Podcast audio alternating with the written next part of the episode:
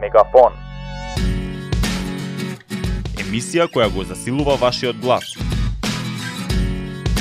Потикнува дебата на актуелни теми и представува приказни за кои помалку се слуша. Следете не.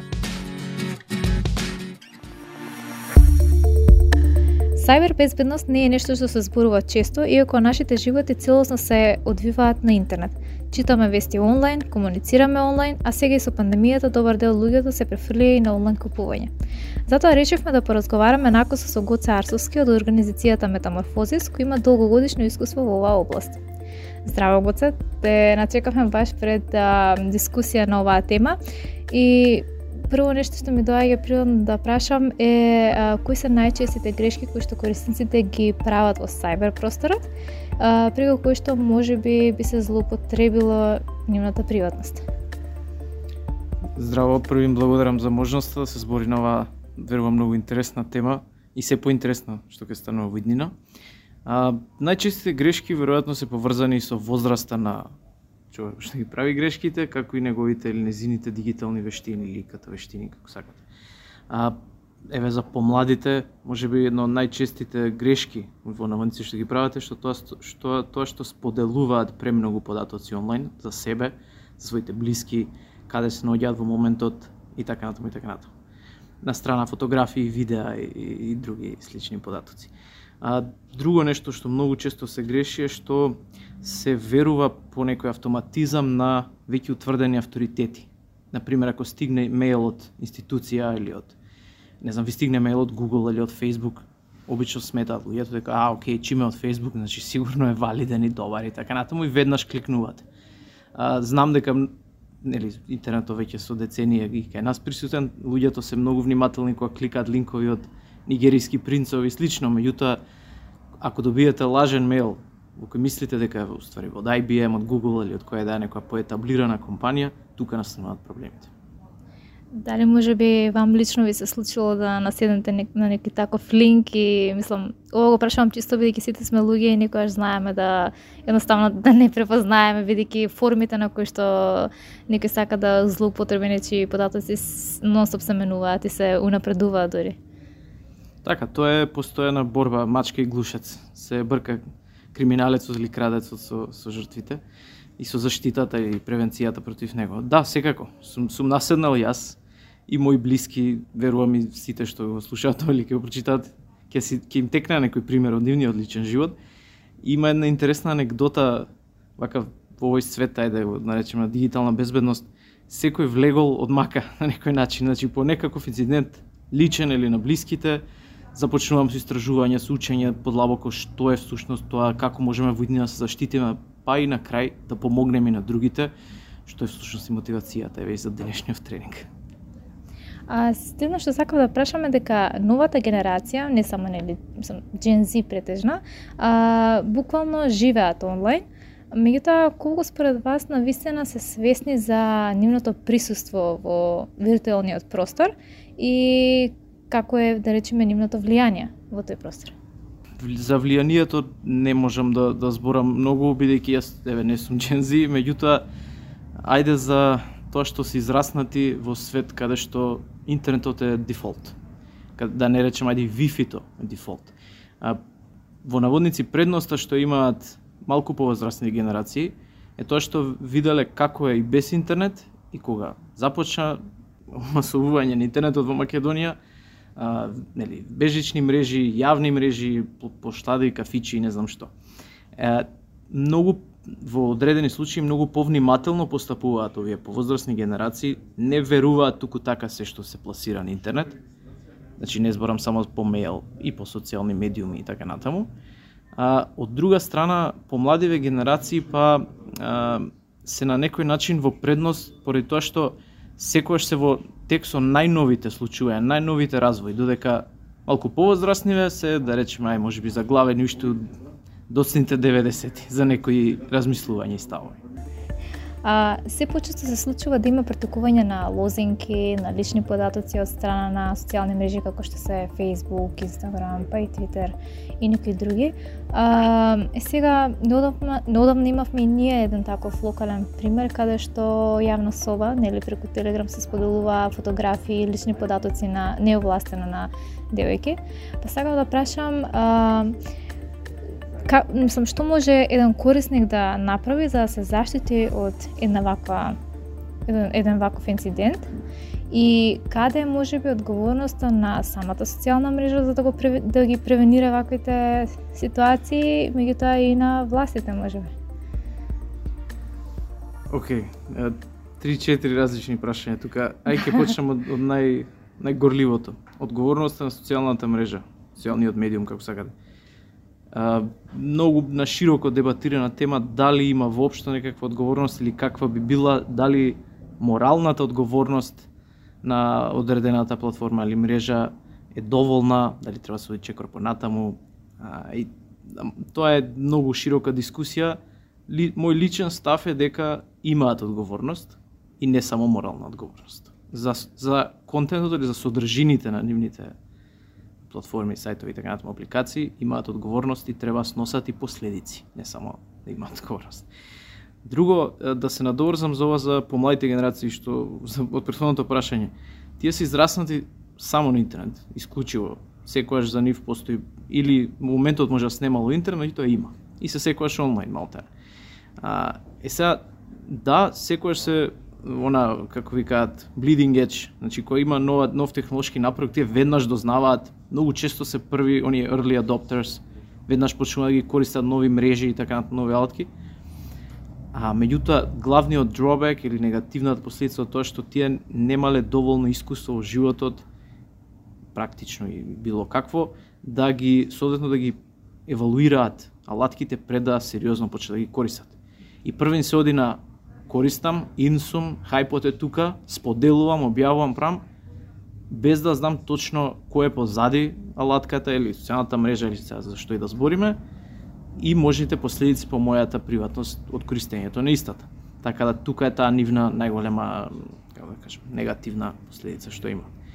А, за институциите и ајде поеднакво горливо прашање како и со со самите мрежи. А, во примерот со, со јавна соба и илјадници слични на, на неа, што и во моментов постојат, за жал, а, на низ целиот свет, особено па на Балканов, а, та, и, и граници се поместуваат за такви, тоа според мене се кривични дела. А, единствен начин, единствен сериозен начин кај што може младите да се заштитат, или и сите други, не само младите, е да не споделуваат. Нема, нема по Знам дека звучи глупаво, меѓутоа ограничувањето со кого комуницираме до одредена мера, нели?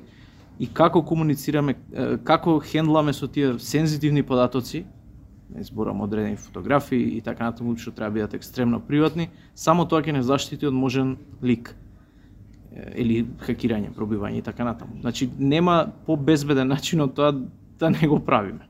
За жал можеме да применуваме мал милион технички решенија, да, да ги да се чувствуваме безбедни во некој мал или малку поширок круг на пријатели и така натаму, се е тоа окей.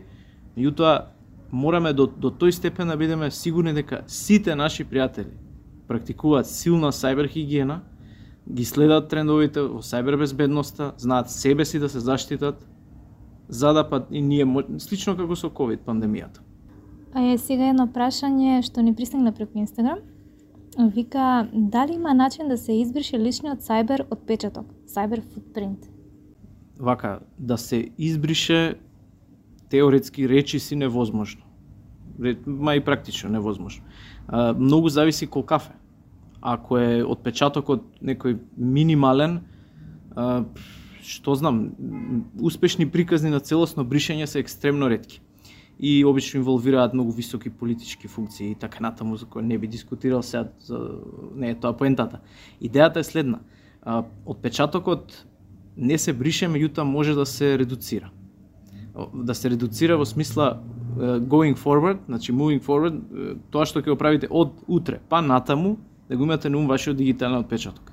Да не продолжувате да со прекумерно споделување. Бидејќи тоа што веќе еднаш се објавило или веќе сте споделиле, зачувано е, архивирано е од најразлични интересни страни, не мора тоа да е се негативни само примери како јавна соба и така натаму, и интернет продавници, бизниси други што работат на тој начин.